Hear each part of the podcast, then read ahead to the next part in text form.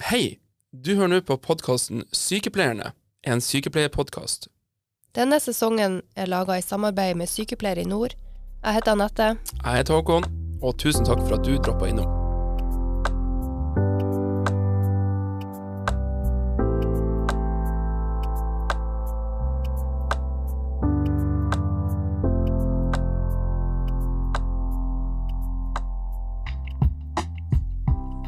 Akuttmottaket dagvakt.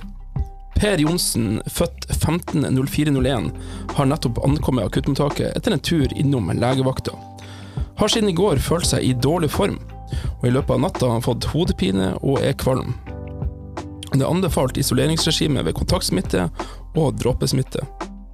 Han er til vanlig en aktiv ungdom som spiller basketball, og har i den siste tida vært lite søvn og mye alkohol pga. festing i forbindelse med russeaktiviteter. Han har for øvrig ingen eh, kjente sykdommer, og han bruker ingen faste medisiner. I akuttmottaket har pasienten fortsatt hodepine, er stiv i nakken og føler seg kvalm og slapp. Han er somnolent og ligger med øynene lukka og svarer kort på tiltale. Pasienten innlegges med spørsmål om meningitt og ligger på smitterom, og han har en PVK. Og du er på dagvakt og skal gå inn til pasienten. Og hva gjør du? Vær så god. Eh, stopp litt her, Håkon. Altså, vi kan jo ikke gå rett inn i, i simuleringa på denne måten. Ikke? Eh, nei, jeg tenker jo vi må finne ut litt mer hva er simulering, og hva, hvordan gjør man det? Og i dag så har vi med oss en eh, gjest, han Lars Ove. Velkommen til deg. Takk skal du ha. Og du er jo med i dag for at du er jo kjempegod på dette med simulering. Kan du si litt om hvor du jobber, og hvordan du jobber med simulering? Det kan jeg gjøre, vet du. Eh, Navnet er Lars Ove Renås. Utdanna psykiatrisk sykepleier. Jeg jobber på Nord universitet òg, men på campus Levanger. Og har eh, vært der nå de siste sju årene og jobba med simulering som metode, og drevet simuleringsavdelinga og ferdighetsavdelinga. Jeg var kjempeglad for at du stoppa Håkon, eh, for vi kan jo ikke gå rett på sånn. Nei, vi kan ikke, Håkon. Vi må ha med oss noe mer, vet du. Eh, For vi må se litt på hva er simulering, og hvorfor simulerer vi? Eh, Vet ikke, har dere noe erfaring med simulering? Ja, altså jeg som sagt har vært litt borti det på, på universitetet. Mm. Har ikke noe erfaring fra min avdeling der jeg jobber nå. Så, eh, men jeg husker at jeg har hatt dårlige pasienter der jeg har tenkt hvorfor har vi ikke øvd på dette før? Ja. Kunne det ha gått bedre da? Du Håkon, du har erfaring med simulering. Jeg har jo det. Ja, Så Ja. egentlig så hadde du ikke villet gjort det sånn du Nei, jeg ville jo egentlig ikke det. Nei. Nei. Men det skal jo sies da at jeg, jeg var, jo- når jeg var student sjøl, så hadde vi ikke simulering her på, på universitetet, men jeg var utvekslingsstudent, og der hadde de mye simulering i Og da husker jeg den ene gangen jeg ble kasta ut i, rett i casen, eh, og hadde ikke noe forforståelse eller noe kunnskap hva jeg skulle gjøre, og har aldri følt meg så avkledd i hele mitt liv. Når jeg står der og skal prøve å ringe en telefon og får eh, muntlig ordinasjon på et medikament jeg aldri har hørt opp før. Mm. Så da, da skulle jeg gjerne hatt litt forforståelse. Det er kanskje det man som får også ved simuleringer, men ikke det? Jeg tror jo det med forforståelse er viktig. Altså de fleste, Når vi snakker om simulering, så tenker de jo på fly, flysimulator. Mm. Eh, Jeg bruker å si jeg er kjempeglad for at den flygeren trener seg på å fly før jeg sitter på. Jeg er ikke noe, sånn, jeg er ikke noe voldsomt redd for å fly, eh, men jeg syns det er ålreit at han som kjører flyet, har øvd. Eh, Og litt sånn tror jeg pasientene tenker òg. Innmari ålreit at den legen eller sykepleieren eller helsefagarbeideren har øvd før de skal begynne å behandle meg som pasient. Og Grunnen til at vi holder på med simulering innenfor eh, helsefagene, er jo pasientsikkerheten. Eh, Men vi kan jo ikke Vi må ha forforståelsen, som du sier. Eh, Så vi starter alltid med en forberedelsesfase, en prebrief, som vi kaller det. Eh, Den er ofte litt eh, lang tid i forveien. Eh, Det kan være uker. Der vi begynner å snakke om simulering. Hva er simulering? Hvorfor simulerer vi? Så Sånn sett så kan vi kanskje kalle denne podkasten for prebrief. Kanskje det? Ja. Wow. Eh, For vi ønsker jo at flere skal drive med simulering. Vi ønsker jo at fokuset skal være på pasientsikkerhet. Men eh, skal vi se litt på hva simulering er, da? Ja. Hva lurer dere på? Altså, jeg tenker jo at det er jo en del lyttere som ikke har simulert noe før. Mm. De er kanskje nysgjerrige på hva er det egentlig, trenger vi det? Um, men så har du andre lyttere som har hatt det på universitetet, på sykepleierskoler, og er godt vant med begrepet. Mm. Så hva er egentlig, kort sagt, simulering? Da har jeg lyst til å gjengi definisjonen til en Jefferies fra 2005. Jeg Skal lese den sånn uh, Nolles riktig oversatt. Nolles er trøndersk ord, da. Ja. Det kan jo google etterpå. det finnes ulike definisjoner på simulering, men i helsefagutdanning bruker man ofte å si at det er fenomener eller aktiviteter som etterligner et klinisk miljø, hvor en kan trene prosedyrer, ta beslutninger og drive klinisk tenkning ved hjelp av rollespill, video eller simulatorer. Det er litt definisjon. Altså, vi prøver å gjenskape en virkelighetsnær situasjon, så øver vi oss på den. Altså et skuespill. Ja, eller rollespill sto det her òg. Jeg liker jo ikke de ordene. Nei. Men det er jo lett å tenke, det går jo an å tenke i Ja. de banene, at man tenker skuespill eller rollespill. Og, Det er derfor Jeg brenner for simulering som metode, for det er noe mer enn det rollespillet. Eller eh, et rollespill inni hodet mitt så avsluttes det etter at du har på en måte gått gjennom selve spillet. mm, Og så er det ikke noe mer. En simulering har en debrief etterpå, der vi reflekterer over det som skjedde i eh, simulatoren, og tar med oss de eh, erfaringene til å gi ny kunnskap etter det igjen. Eh, så er det mange som tenker at eh, ja, simulator innenfor helse, da må jo sånn dyre datastyrte dokker. Vi må ikke det. Det kommer an på hva vi skal simulere, hvilken case vi skal simulere. Noen ganger så har vi caser innenfor psykisk helse, innenfor palliasjon, der er det hovedfokuset kommunikasjon. Og da er ikke her dokkene så veldig egnet. Eh, Da er det greit å, å spille rollen sjøl. Ja, at en av deltakerne er en pasient. Ja, eh, jeg bruker ofte å si at deltakerne må få lov til å øve seg på sin rolle. Eh, Så det er jo hovedsakelig til, til turnusleger, eller LIS1-leger og sykepleierstudenter. Og da spiller de alltid sin rolle. De øver seg i sin rolle, og så går heller jeg inn i pasientrollen. Mhm. For de skal jo ikke lære seg å bli pasienten, de skal lære seg å bli legen eller sykepleieren. Mhm. Så Det tror jeg er litt viktig, at de får øvd på seg på sin rolle. Mm. Minst mulig skuespill, som Håkon sa. mm, Ja, for jeg tenker jo at det, når folk hører skuespill eller rollespill, så tenker jeg jo kanskje at de har noen eh, traumer fra barndommen på, på skolen, og det er jo ikke det vi vil at de skal komme inn med.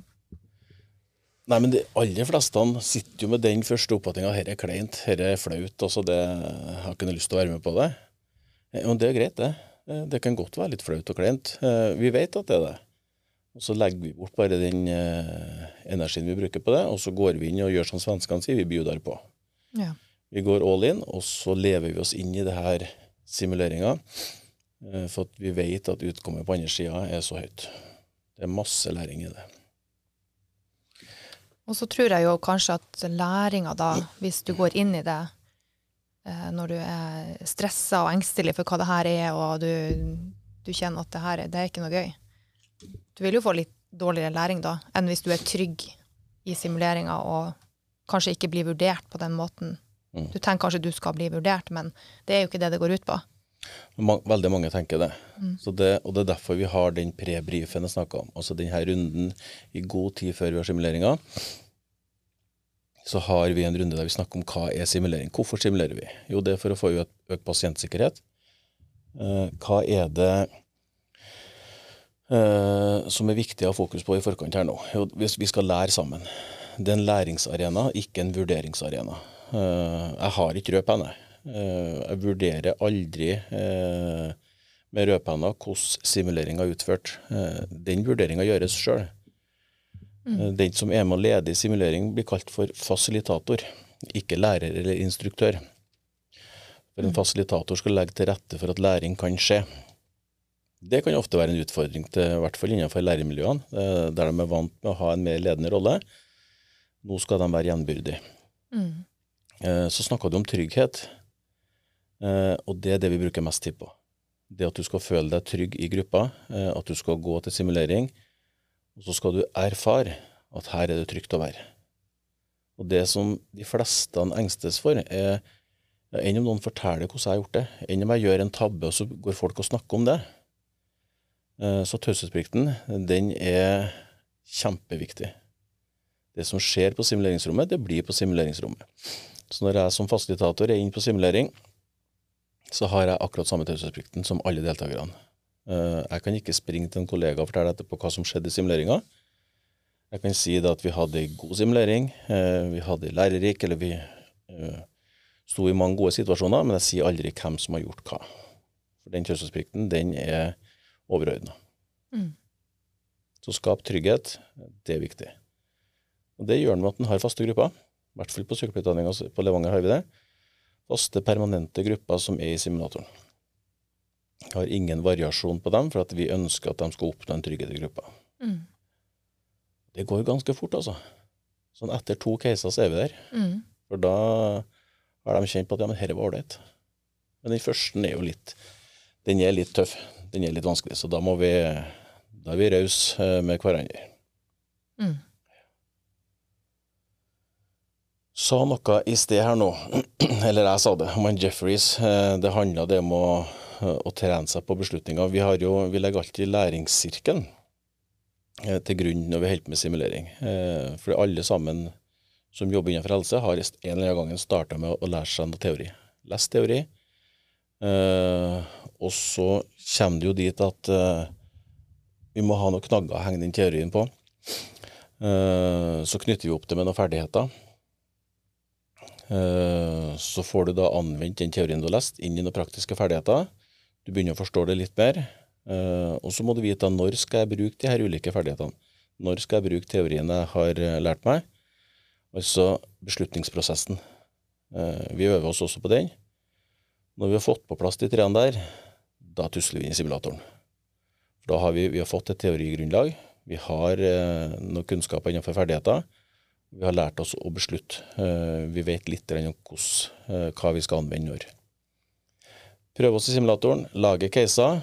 Og da, da kan du få lov til å lese introen din igjen, eh, Håkon. Ja. For det er da vi har kommet dit. Eh, Da leser vi dagrapporten, eller rapporten, og så skal de inn og møte pasienten. Eh, Da må de sjøl finne ut hvilke ferdigheter, praktiske ferdigheter skal anvendes, og hvilken teori trenger å bruke i denne casen. Når de har fått øvd seg i simulatoren, da prøver de seg ut i klinisk praksis, og så kommer vi dit at det dukker opp et behov for ny kunnskap. Jeg kjenner at oh, jeg skulle ha lært mer om det. Sånn går læringssirkelen. Kommer det nye praktiske ferdigheter, vi lærer oss eh, å utvide det med beslutningsprosessen, og så prøver vi det i simulator igjen. Og sånn fortsetter det. Eh, I hvert fall har det gjort det til meg. Mulig at jeg er sentlærende, eh, eller at jeg har et behov for å lære mye, men læringssirkelen min ennå ikke slutta, i hvert fall. Mm. Men når du da sier at de har et teorigrunnlag før de går inn og simulerer, altså vi, får de vite noe om hvordan type case de får på forhånd? Får de lese opp på f.eks.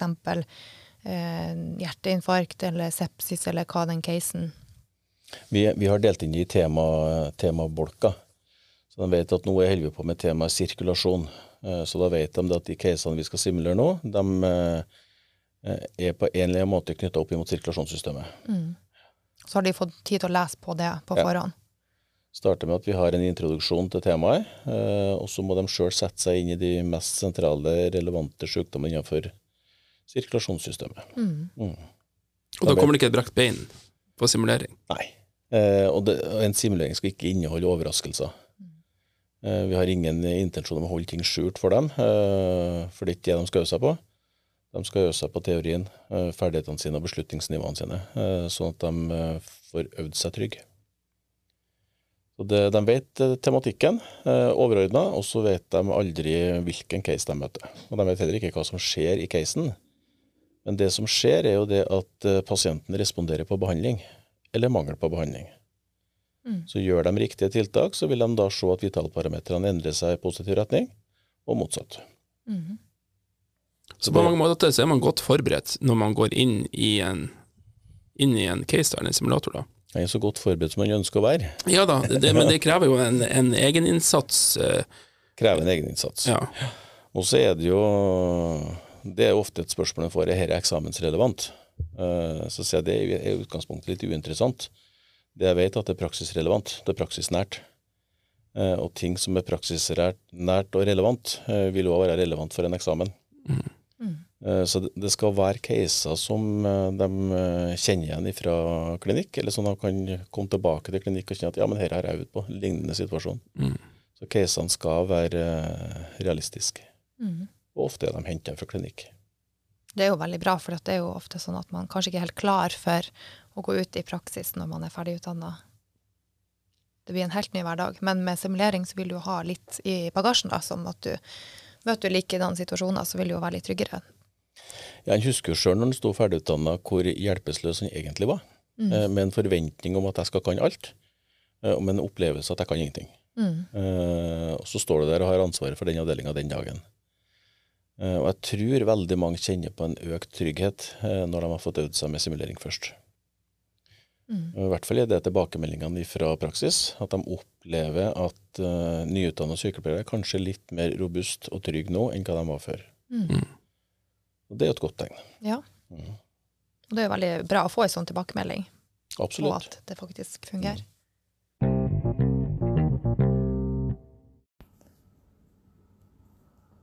Eh, Oddvar og Håkon, dere er jo tredjeårsstudenter og snart klart til å være sykepleiere. Hva dere tenker om det her med simulering? Har dere hatt noe nytte av det, og vil dere kunne bruke det i praksis som sykepleiere? Eh, vi, når vi hadde simulering, så var det jo eh, det, For det første så er det veldig vanskelig å skape en sånn reell situasjon. Og så er det jo det med at vi eh, Når vi hadde simulering, så var det rett etter en endt praksisperiode. Eh, før vi skulle starte på teoridelen.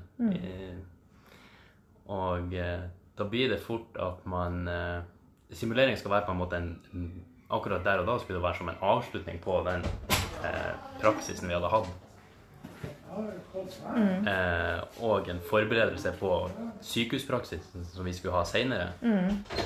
Eh, men når det ikke blir repetert, når det ikke blir vedlikeholdt, når vi går inn i denne teoridelen etter eh, simuleringa, så merka jeg sjøl når jeg gikk i praksis igjen, at alt det var jo glemt.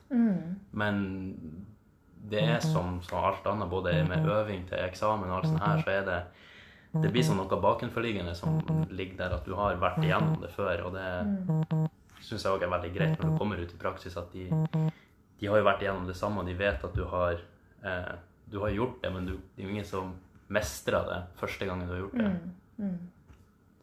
Så man kunne kanskje hatt det litt oftere på skolen òg, for å Ja. enda mer Ja. god på det, kan du si, og forberedt, kanskje. Ja, men samtidig så er det jo 50% av studiet er jo praksis, så du lærer jo veldig mye av å være på f.eks. sykehuset i en faktisk reell situasjon. da. Mm. Hva du tenker Håkon? Kan du, kan du bruke det nå når du skal være ferdig sykepleier? Jeg skulle ønske vi hadde mer simulering på studiet, faktisk. For jeg syns det er veldig lærerikt, ikke bare når du blir kasta ut i en altså, situasjon som kan være vanskelig og utfordrende, men at du går i ettertid og faktisk reflekterer med altså mange, og man får flere ideer hva man gjorde galt, og hva man gjorde rett. Og, så jeg syns det er veldig, veldig lærerikt med simulering. Og eh, absolutt relevant. For du kan jo Altså, du lager jo ditt scenario da, som, som du vil, og så trener du jo på en veldig god måte, føler jeg, da. Så jeg syns jo det skulle vært absolutt mer simulering. Og som en øvelse nord, altså bare, det er jo en stor skala, da, men man kan jo skalere det ned. Man må ikke ha med seeking, man må ikke ha med alt mulig. Men at man setter et sånt scenario og faktisk prøver, det syns jeg høres ut som en god idé, i hvert fall. Simulering er jo en veldig en et fint rom som er laga for sykepleierstudenter for å faktisk kunne gjøre feil. Når du er ute i praksis, så eh, er det ikke så mye rom for å gjøre feil. Og det er feil man lærer av. Og det er jo egentlig bedre å lære av de da under simulering enn i, Ja. i real life. Ja. Så det er jeg litt enig med Håkon at det kunne vært mer simulering.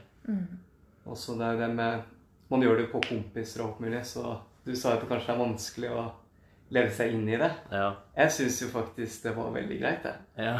Jeg klarte i hvert fall å skru på en bryter at liksom Yes, nå Og så hadde vi gode skuespillere, så da gikk det veldig fint. Jeg syns det var veldig, veldig bra. Så la oss ta for oss denne prebrifen, da. Da blir man preppa, ut fra temaet? Og... Nei. Nei da. Nei, Prebrifen handler egentlig litt om det vi snakka om innledningsvis, altså hva er simulering? Hvorfor simulerer vi? Eh, det handler om at de mentalt skal begynne å forberede seg på at vi skal gi noe som heter en simulator. Mm. Der de vet at ja, det, eh, det er to stykker akkurat som skal inn og simulere en case. De skal få møte enten en som spiller pasienten, eller i dere. Hvorfor vi simulerer. Vi går gjennom det med trygghet og taushetsplikten. At det er konkrete mål som vi skal øve oss på. Sånn at du får begynt å mentalt forberede deg på at nå skal jeg i simulatoren snart. Mm. De får òg høre at på naborommet så sitter x antall som du studerer sammen med, i, i de grupper. Eh, til oss er de mellom 14 og 16 på naborommet, som ser hele simuleringa live. Med både lyd og bilde. De brukes da som respondenter. Eh, noen sier observatører. Eh, jeg velger respondenter. En observatør blir litt passiv i hodet mitt. En respondent skal faktisk eh, gi en konkret feedback etterpå. Og det høres så skummelt ut at noen skal filme og se på det du gjør. Og det er skummelt helt til de går over den dørstokken. For da er de så fanga av situasjonen at de glemmer det. Og så var det ikke så skummelt likevel etterpå. Så vi bruker egentlig prebrifen litt sånn til å avmystifisere hva simulering er. Mm. Eh, men nå merker vi jo det at, uh, at ryktet går foran oss fra kull til kull. Uh, for nå hører vi at studenter begynner å glede seg til de skal ha simulatoren på andre året. Mm. for det har de hørt så mye bra om. Det er så spennende. Så det er sjeldnere og sjeldnere at en hører at de ikke har lyst, eller at de gruer seg. de er spent, ja. Og det er greit. De være spent er jo fint, det. Så det er prebrifen. Eh, så kommer vi til selve simuleringsdagen, der vi har det som heter for en brief. Eh, og det er da vi går gjennom eh, spesifikt hva det er vi skal gjøre den dagen. Da går vi gjennom så egentlig, altså Prebrifen blir da metoden simulering, mens på selve simuleringsdagen så er det da brifen. Vi går gjennom rommet, hvilket utstyr de finner på rommet. Hvis du trenger hjelp underveis, kan jeg ringe noen? Uh, har jeg noen på rommet jeg kan spørre? Uh, pasienten. Hvem er pasienten? Er det en simulator? Er det en markør? Hvilke roller er det som skal være med i denne simuleringa? Og så kommer da selve scenen, eller settingen for simuleringa. Det blir da den dagrapporten som du leste opp nå i sted, Håkon. Og så er vi good to go. Og har de da et behov, og så oh, jeg kunne tenkt meg å få inn og sett på denne simulatoren en gang til. Hvordan var det jeg målte eh, blodtrykket igjen? Så går vi inn og gjør det. Da bruker vi de to minuttene det tar, eh, sånn at en legger bort noe stress for det. Og så har de alltid en, eh, en fasilitator. Det er to funksjoner i en simulering. Du har fasilitator, og så har du en operatør. Operatøren er den som styrer scenarioet. Mens fasilitatoren er den som står i rommet og er litt sånn til stede for studentene, sånn at de kan spørre hvis det er noe de lurer på underveis. Uh, og stort sett så, så flyter det av seg sjøl. Observatøren og fast, nei, øh, operatøren og fasilitatoren skal jo jobbe med hendene på ryggen. Operatøren er den som sitter inne på et lite rom og styrer de vitalparametrene til, til simulatoren responderer på behandlinga, øh, og da er stemmen til simulatoren. Så de kan kommunisere med denne datastyrte dokka, eh, og får da relativt oppegående svar tilbake. Spørs hvem som er operatøren det, da. Så Det er litt gangen i simuleringa. Når vi da er ferdig med sjølve scenarioet, som da tar eh, sånn ja, pluss-minus 15 minutter, så går vi på naborommet og har det som vi kaller for en debrief. Det skal alltid være applaus etter en simulering. Eh, all, all, innsats skal, skal, du få honnør for. Eh, det er alltid applaus. De to som har simulert, får applausen. Da sitter vi i ring, uten bord, blottlagt, øh, naken for hverandre. Øh, og så setter vi oss og snakker om hva var det som møtte oss. Hva var det vi opplevde inne på dette rommet? Helt sånn objektiv beskrivelse av det. Når vi har gjort det, da kan vi begynne å gå inn i dybden og analysere det vi har jobba med. Viktig at vi som har eh, en, eh, en ansattrolle, altså funksjonene som eh, operatør og fasilitator ikke sitter sammen i denne debrifringen. Eh, For da har vi automatisk tatt litt kontroll over det som skjer i rommet. Så vi sprer oss litt, sånn at vi blir gjenbyrdig. Så at ringen blir gjenbyrdig og en balanse inn. Det er da først vi får til en god debrif etterpå, en god refleksjon sammen. Så det er en faglig refleksjon en, en, der vi grunner litt sammen om på hva var det som møtte oss. Eh, vi går inn på hva var det vi gjorde bra. Uh, prøve å finne de her pikene. Hva var usedvanlig godt jobba, og hva var mangelfull utførelse. Uh, sett ord på alt sammen. Avdekk hva er det vi trenger å jobbe mer med, og hva var det som vi andre må ta med oss som var vanvittig bra jobba. Uh, og så er det summen av alle de her simuleringene da, i løpet av det her uh, studieåret til sykepleierstudentene som gir dem den ballasten og erfaringa de trenger for å gå videre. Men er det mulig å, etter en eh, simulering å gå gjennom scenarioet på nytt igjen, for å lære, lærer du enda mer hvis du gjør det en gang nummer to etter tilbakemeldingene i debrifen? Det er en veldig anerkjent metode det, å simulere det en gang til etterpå. Eh, Vi har valgt å heller bruke tida på en ny type case eh, innenfor samme tematikken, sånn at de får møtt flere uh, ulike simuleringscaser. Uh, og til oss så handler det om ressurser og tid. Uh, vi har 150 studenter som skal gjennom simulatoren. De skal være hands on minimum to ganger hver. Og så skal de ha vært respondenter ja, det begynner røftlig 10-15 ganger hver. Eh, Så da heller vi, vi valgt å, å ha et mangfold av caser istedenfor å repetere én og én case. Eh, Jeg har et ønske eh, om at vi kunne fått studentassistenter som har fått opplæring i simulatoren, som kunne ha gjennomført simuleringa på kveldstid. Hvis vi har vært på simulatoren på dagtid, og så tenker jeg at åh, det hadde vært gøy å prøve den casen en gang til.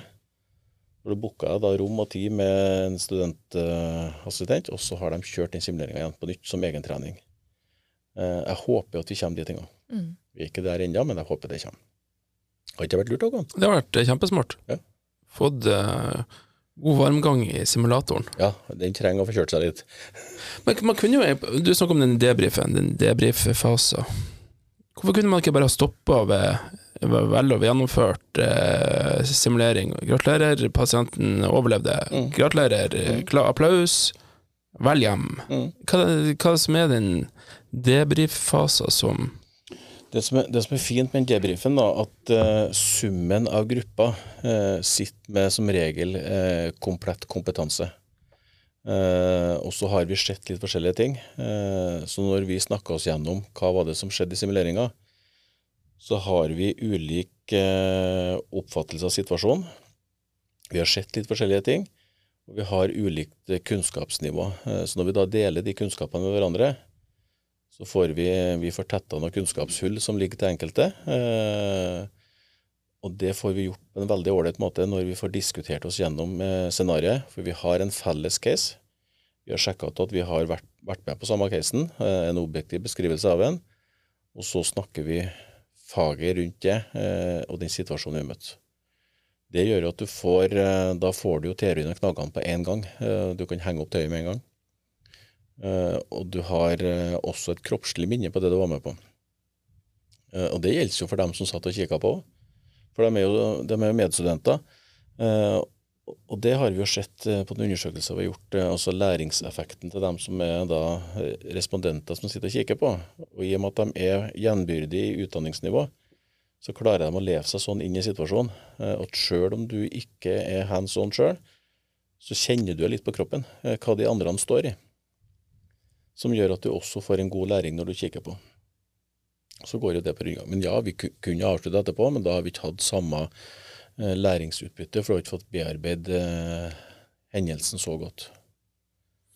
Du snakker om at den selve simuleringen var kanskje 10-15 minutter. Hvor lang er denne eh, debrifen, da? Jeg, jeg bruker å si tommelfingerregelen er at den skal være dobbelt så lenge. Ja, så det er ganske lang. Det der kanskje Mye av tida ligger da i debrifen. Eh, og det sier jo studentene. altså det Hadde ikke vært for denne debrifen, så hadde vi ikke lært noen ting. Eh, det er ikke helt sant. De hadde jo lært noe med å bare simulere òg. Men det er jo når de får snakka seg gjennom scenarioet på nytt igjen, eh, og sett på hva var det vi gjorde bra, hva kunne vi gjort annerledes, det er jo da de virkelig begynner å lære. La oss si det. La oss ta utgangspunkt i virkelighetens eh, eksempel. Jeg har jo vært og simulert hos deg, Lars Ove. Ja, stemmer det. Jeg visste jeg har sett deg før. Og da var jeg simulert i Levanger, og eh, hva man skal si, gjorde ikke en optimal simulering. Kommer i i debrifen. Hvordan kan man på best mulig måte liksom Jo, kanskje vært litt sånn En instruktør vil kanskje ha sagt sånn dette var ubrukelig, skjerp deg, klipp deg, og prøv på nytt igjen, gjør det bedre neste gang. Mm. Men det var ikke det jeg opplevde. Var ikke det? Nei, det var ikke det. Det var en Det var jo hyggeligere tilbakemeldinger som så. Ja, men likevel så sitter du igjen med, eh, med en opplevelse at du ikke gjorde en god simulering. Men det var jo den egenvurderinga man Ja. gjorde. Så jeg sjøl visste jo det at dette var ikke optimalt. Men og så ble du sendt ut derifra med at du fikk med deg noe om at noe var bra òg. Ja. Ja. Eh, Kunsten er jo det at, eh, at du går rakrygga ut ifra simuleringa. Og det gjorde jeg. Ja, og sjøl om en har feila eller mislyktes, eh, så skal du kjenne på det at det var verdt det, for jeg har lært noe av det. Mm. Eh, og den største kritikeren er jo stort sett oss sjøl. Mm. Eh, men så er det viktig at en påpeker det som gjøres feil òg, så at du går ut derifra og tror at du har gjort alt rett. Nei. Eh, for det er jo kjempeskummelt. Ja, jeg kunne jo vurdert meg. Det der var superbra. Ja, ja, ja. Jeg hadde et blodtrykk på 20 over 10 her i studio. Det var jo kjempebra. Ja, ja, ja. Nei, jeg ga pasienten et glass vann i stedet for, i stedet for å holde meg til blodtrykket. Det var noe så mye styr. Så Hvis jeg hadde gått med og vurdert dette var superbra, Ja. så ville jeg gått ut av simulatoren og tenkt sånn Yes, faen hvor flink jeg er. jeg kan alt. Men heldigvis var det jo noen av mine medkollegaer som sa at hva tenker du sjøl om det? Ja. Blodtrykk Nå var det ikke, nå overdriver jeg jo litt, grann, da. det var jo 30 på 20, da. Men, men, men da fikk man jo feedback fra sine medkollegaer, Ja. og det føltes mye bedre ut å få en feedback fra sine medkollegaer enn at det Mm. eh, Og så er det ikke bestandig at, at eh, medkollegaer eller medstudenter eh, våger seg utpå å si det. Nei. Og da er det jo det å være undrende i denne debrifen, og så stille spørsmålet eh, Når du målte blodtrykket, Håkon, eh, hva, hva var det du fant ut at blodtrykket var? Nei, det var La oss nå si at det var ikke overdrevet så voldsomt, da. Si, si 70 over 30, da. Ja. eh, hvilke refleksjoner gjorde du deg rundt det blodtrykket? Mm. Eh, nei, jeg tenkte ikke sånn voldsomt over det, kan jo svaret være. Ja, og da hører jeg at jeg hadde jo ønska at han skulle ha tenkt over det. Eh, dere som da er respondenter, eh, hvilke tanker gjorde dere dere når dere så det blodtrykket? Og så begynner en å få en faglig diskusjon rundt det. Eh, hva kan årsaken være til at blodtrykket var sånn som det var? Mm. Eh, og eventuelt, hvis vi da klarer å komme frem til en årsak, eh, hva er tiltakene? Eh, for de tiltakene har ikke du gjort, for du vurderte det jo som ok. Mm. Og det er der jeg snakker om at kunnskapen i gruppa til sammen er komplett, eh, som gjør at vi klarer å finne et svar på hvordan vi skulle ha gjort det, og hva vi skulle ha gjort når vi fant ut det. Mm. Eh, og det oppleves jo Ja, det kan jo at en synes det er litt sånn ekkelt der at jeg ikke jeg oppdaga det sjøl, men samtidig så vil de fleste kjenne på at åh, så bra at jeg lærte det nå. Mm. Eh, så vi avslutter jo alltid en debrief med hva tar du med deg av kunnskap herifra? Hva har du lært i dag? Hva har denne casen lært deg? Eh, Og hvordan skal du anvende denne kunnskapen senere? Sånn at de får et bevisst forhold til hva jeg har lært, og hvordan skal jeg anvende videre. For det lille ubehaget som man kjenner sjøl, det er jo bare eh, Det er bedre å kjenne på det lille ubehaget og fortelle at dette var kanskje her var det noen ferdigheter som vi må øve på, i stedet for at man skulle gjøre samme feilen i det virkelige liv. Og Ja. det ubehaget at en pasient er død, den er, den er større enn Det er ofte at det sitter lenger, Ja. Ja. Eh, og så er det ikke reversibelt. Nei. Eh, Her var jo pasienten good to go igjen etterpå. Ja. Det, det, men det å så våge, for det er det det handler om, det å så våge å stå i en usikkerhet, eh, men samtidig oppleve den som trygg, eh, det er jo det vi ender opp med. eh, Vi kommer jo tilbake dit eh, hele tida. Det må være trygt. Mm. For i det øyeblikket det er trygt, så våger de rundt deg å si ifra, og du tåler å høre det. Mm. Eh, For han, han tåler jo mer i trygge omgivelser. Hadde jeg sittet med rødpenna og stilt deg til veggs med litt kryptiske spørsmål som du ikke skulle skjønne, som jeg vil at du skal resonnere deg fram til riktig svar, Mm. så har vi, da får vi inn SV-faktoren, som jeg kaller den, da, stress-vett-faktoren. Når stressnivået går opp, så går vettet ned. Mm. Eh, Da underpresterer du på alle nivå. Ja. Så du må ha det trygt. Eh, Når du har det trygt, så våger en faktisk å prøve å svare. Og i stedet for at du den eh, pekefingeren og den røde penna og de brillene som kommer litt ned på nesetippen og, og blir bare fortalt og hamra inn, den var jo overhodet ikke til stede. Nei, Det er ikke nødvendig å ha den der, Nei. eh, fordi at du har den sjøl. Ja.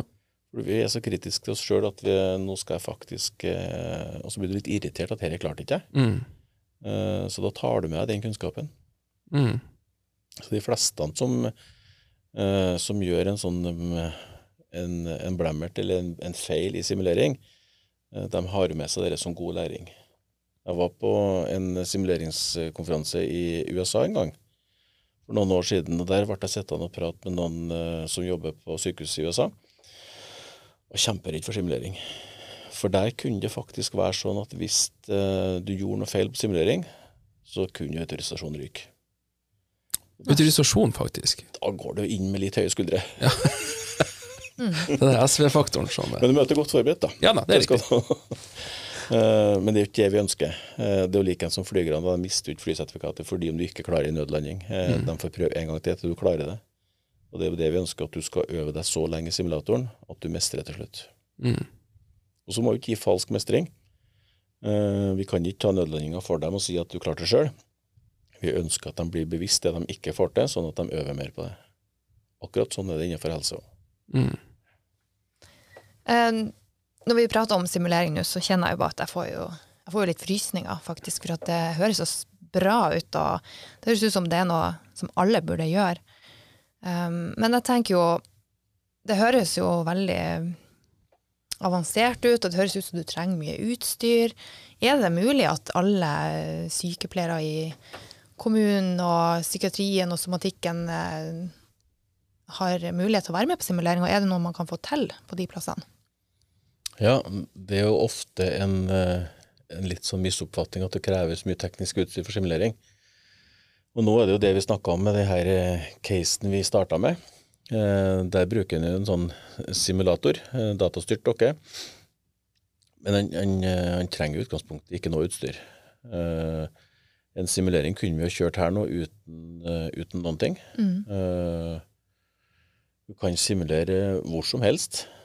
Eh, For det du trenger, du trenger noen som eh, du, altså du trenger et scenario, en, en case. Mm.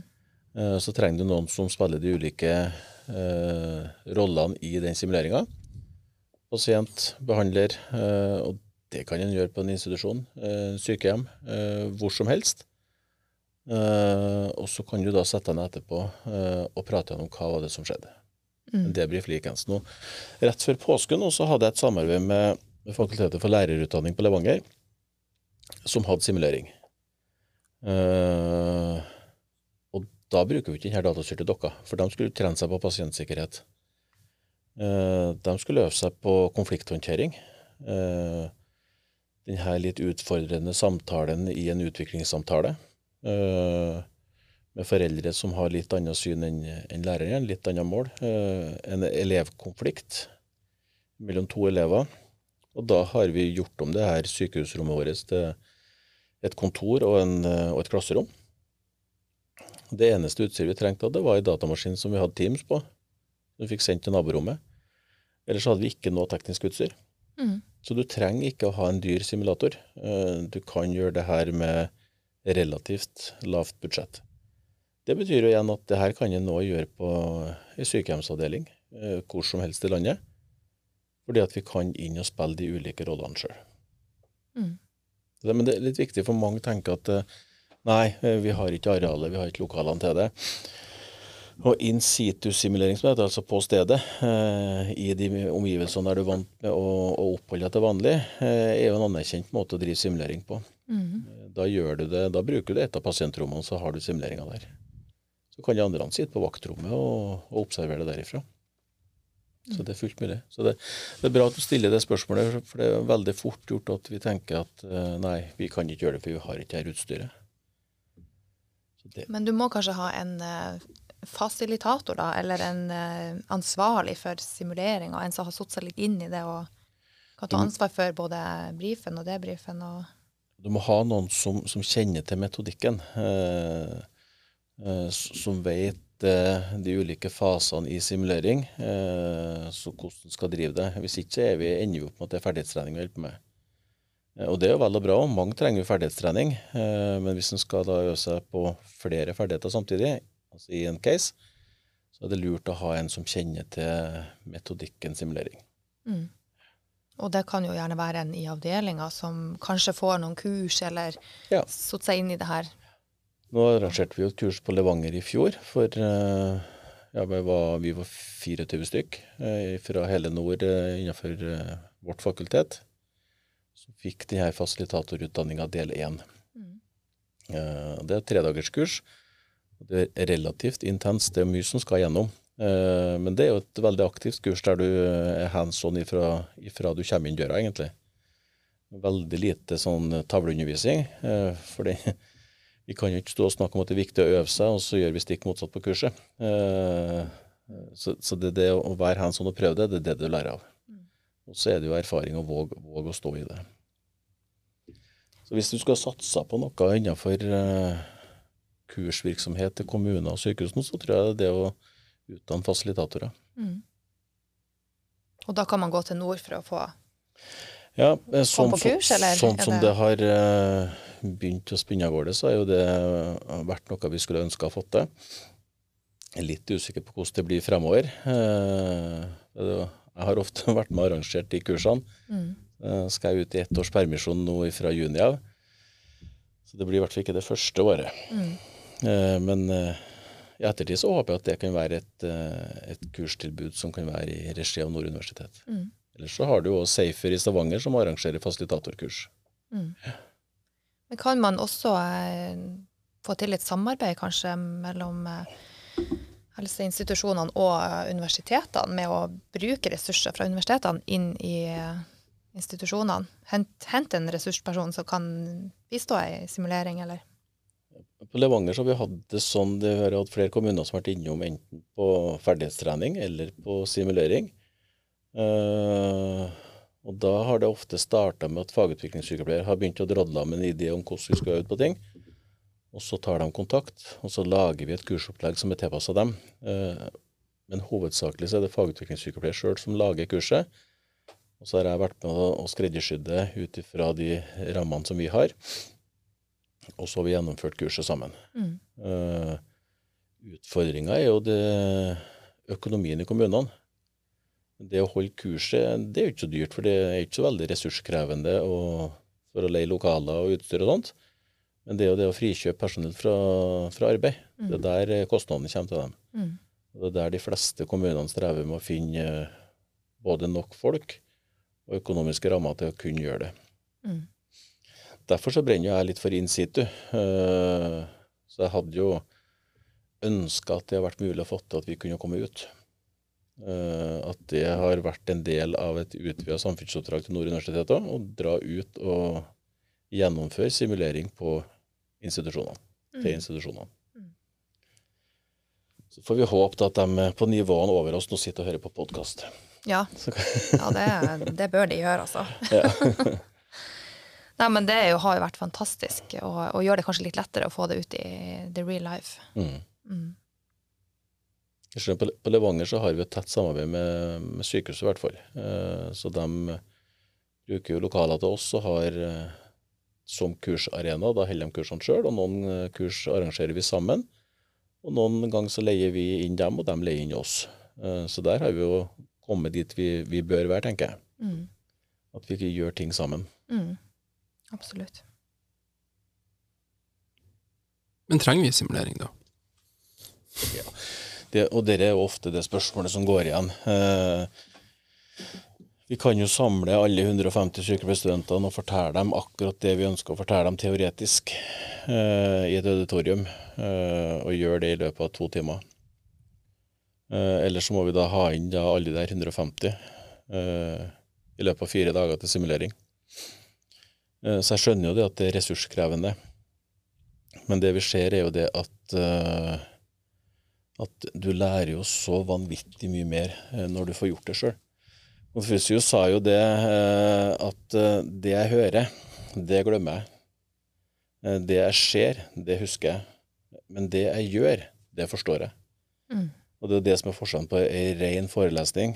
Altså ja, jeg hører hva du sier, jeg glemmer det i løpet av dagen. Kommer du inn på simuleringa, så får du faktisk være med og gjøre det, og da først begynner å forstå det. Så er vi da tilbake til læringssirkelen. Eh, Mm. Jeg får anvendt den praktiske kunnskapen min, jeg får trene meg på beslutning, jeg får anvendt teorien, eh, og da forstår jeg det helt med. Men jeg ville gjort det selvfølgelig helt annerledes hvis det var real life, ikke sant, hvis det var på ekte. Ja, Jeg ville gjort det helt annerledes hvis det hadde vært på ekte. ja. Og det hører en noen gang, det ble så kunstig når det lå ei dokke i senga. Ja. Og så sier jeg men, men det vet vi jo, så det er jo greit, det trenger vi ikke å bruke den energi på. Eh, og det viktigste er jo det at vi ville gjort det annerledes hvis vi gjør noe feil. Eh, men du gjorde veldig mye bra, bruker jeg å si da, så det er jo dumt hvis du vil gjøre det annerledes òg. Jeg har jo et ønske om at det du gjorde veldig bra, at du gjør det likeens når du kommer ut. Men det handler om våre forsvarsmekanismer. Mm. Eh, For, for det sitter igjen litt den her redselen for at jeg skal gjøre noe feil. Og hva tenker han andre om meg nå når jeg gjorde det her feil? Da er det fort at de sier at jeg ville gjort det helt annerledes. Mm. Istedenfor at de sier 'Å, så fint at jeg fikk øvd meg på det', for det gikk jo helt på trynet. Det, er- det er greit å si det. Det er lov. Mm. Og så er det lov å si at du ville gjort det annerledes, og hvis du kjenner at det gir meg en trygghet sjøl. Men det viktige er det at vi faktisk våger å øve. Ja. Mm.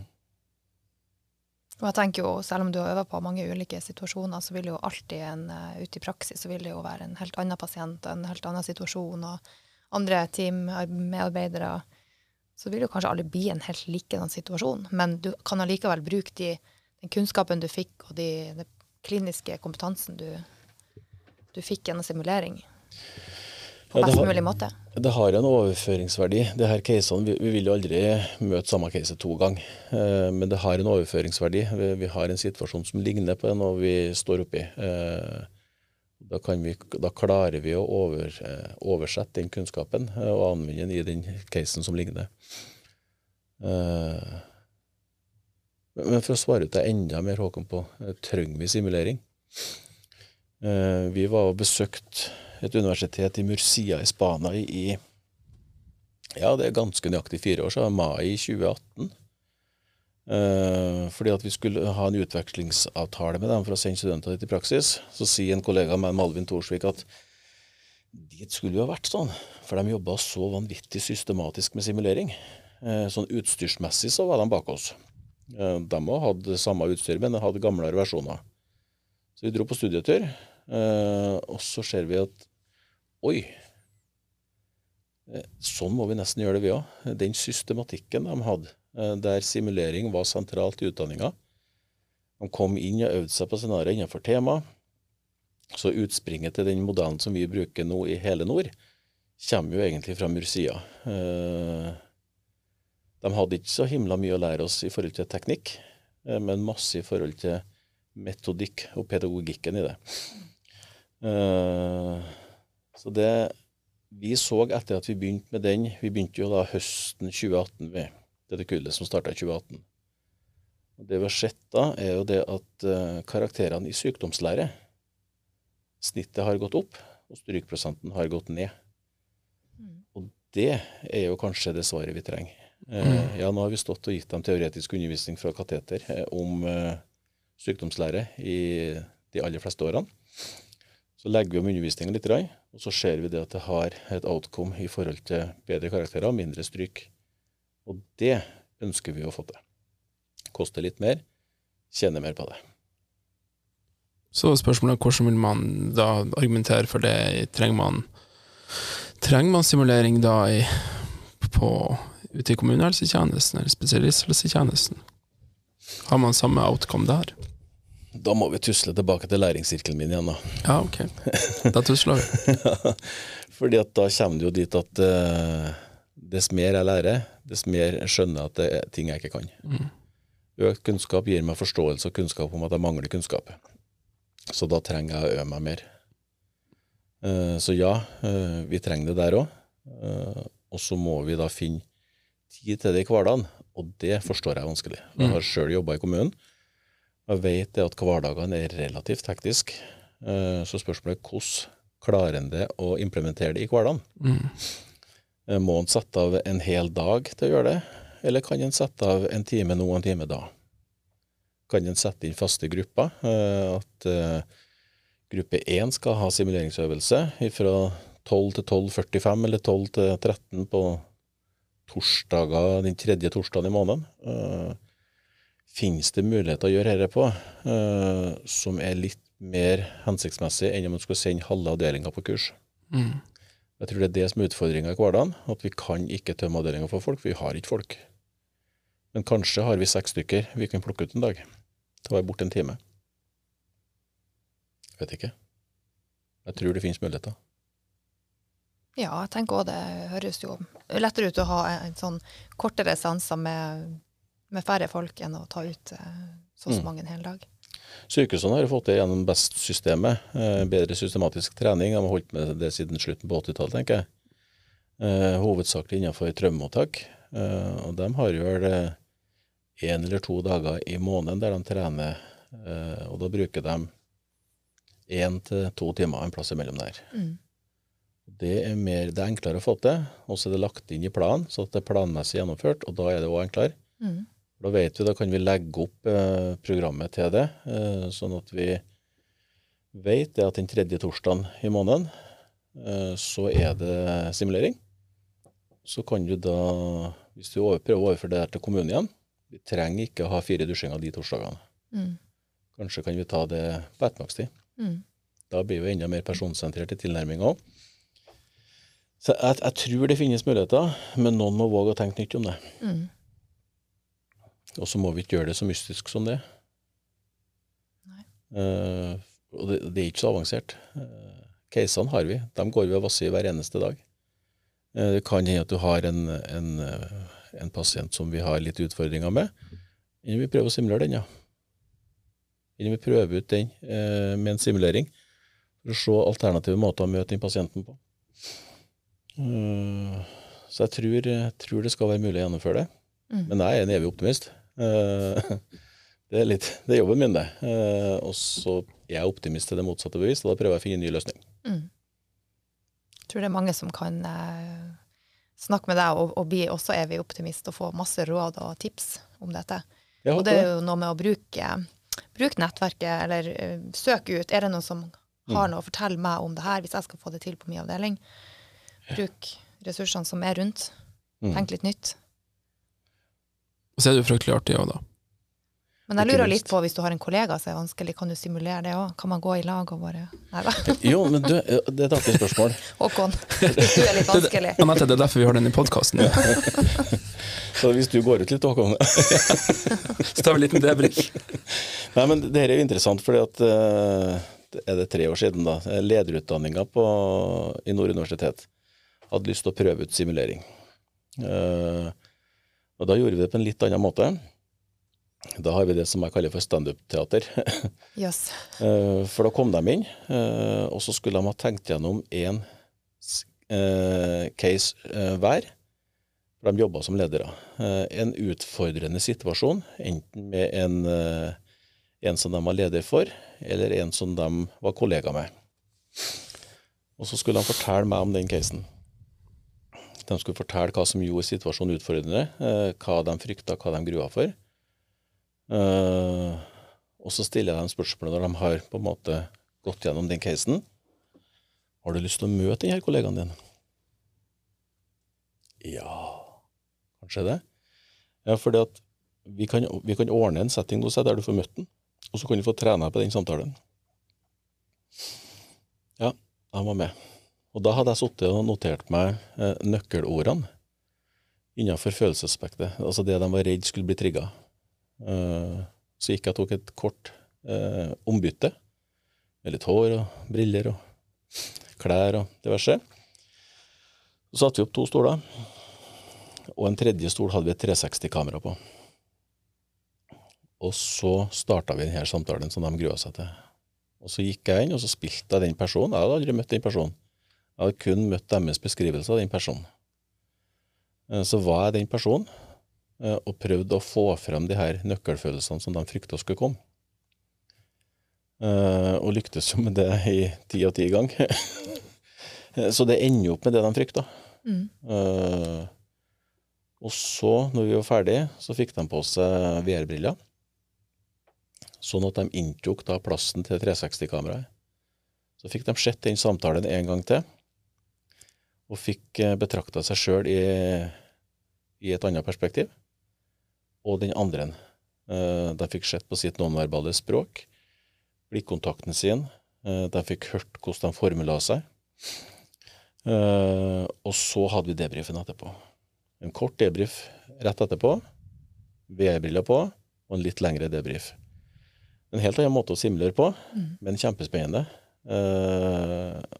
Og det de sier, de som var med på det, at det her var jo kjempenyttig. Eh, for nå vet jeg litt hvordan jeg kan oppfattes òg, for det fikk jeg jo sett sjøl. Så jeg skjønner jo det at den andre ble trigga, fordi at jeg sier jo og gjør ting. Og viser nonverbalt eh, at jeg ikke er interessert, som gjør at han blir trigga, eller hun blir trigga. Eh, Så ja, vi kan jo også bruke det til kollegaer som det er litt vanskelig å samarbeide med. Mm. Så vi kan snakkes etterpå, Nette. Nei, ja, men det Det var jo litt den tidligere episoden med mental trening, at eh, du kan ikke endre på de andre, men du kan endre på deg sjøl. Kanskje det er litt der at de eh, Man må se seg sjøl utenfra også. Ja, den andre er noe sånn. Det, også den endringa hos den andre må den andre gjøre sjøl. Jeg får ikke frem den. Mm. Men det kan at jeg kan påvirke en endring hos den andre med at jeg gjør noe hos meg sjøl. Mm. Det er det det egentlig handler om. Og det, vi bruker jo simulering for psykisk helse òg. Uh, det er jo kjempespennende. Mm. Det er jo de simuleringene jeg kanskje liker aller, aller best. Ja. Men det handler jo om min bakgrunn igjen som psykiatrisk sykepleier. Mm. Uh, og det ser jeg jo det at eh, det å få lov til å prøve seg i litt vanskelige, krevende kommunikasjonssituasjoner, eh, det er vel så trygt å øve på det som å øve seg på beslutning i forhold til en somatisk lidelse. Mm. Jo, for det har jeg tenkt at simulering, det handler jo om det her med eh, akutt dårlige pasienter med parametere som blodtrykk og puls og alt det der, men det er jo det her mellommenneskelige kommunikasjonen også som Mm. man kan faktisk bruke simulering til. Mm. Og det har ikke jeg tenkt før, så det var nytt for meg.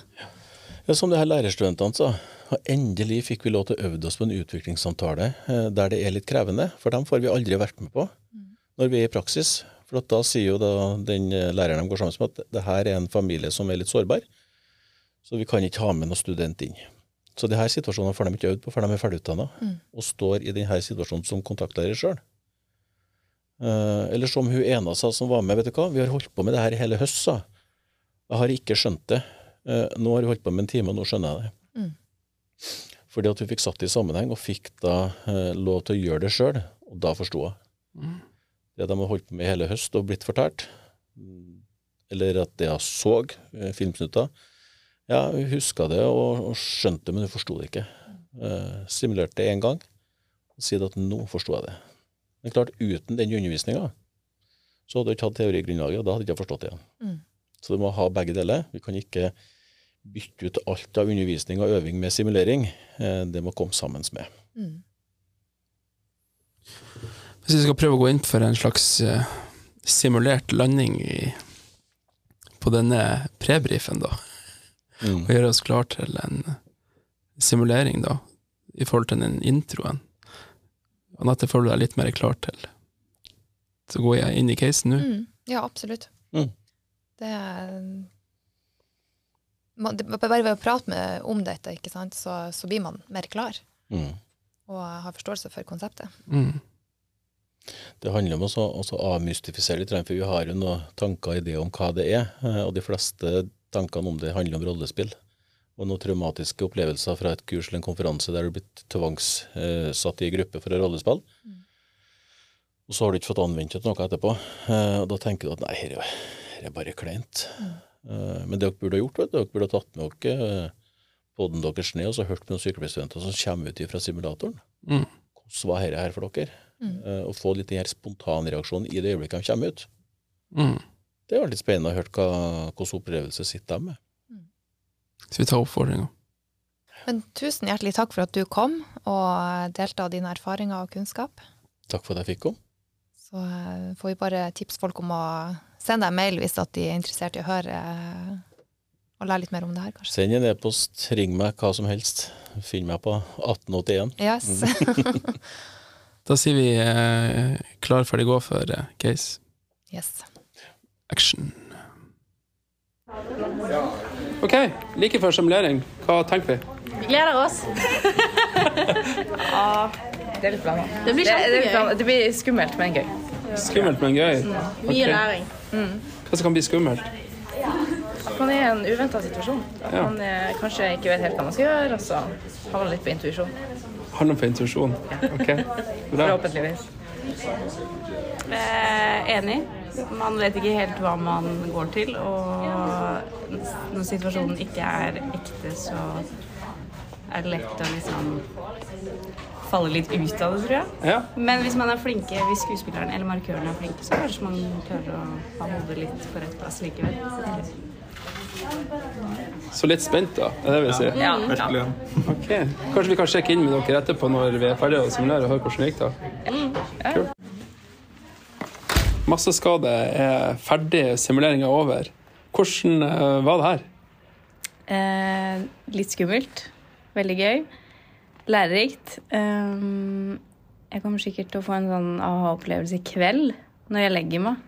Akkurat nå så klarer jeg ikke å sortere ut helt hva jeg har gjort, men uh, det var det gøy. Spennende. Og ikke så skummelt som jeg trodde.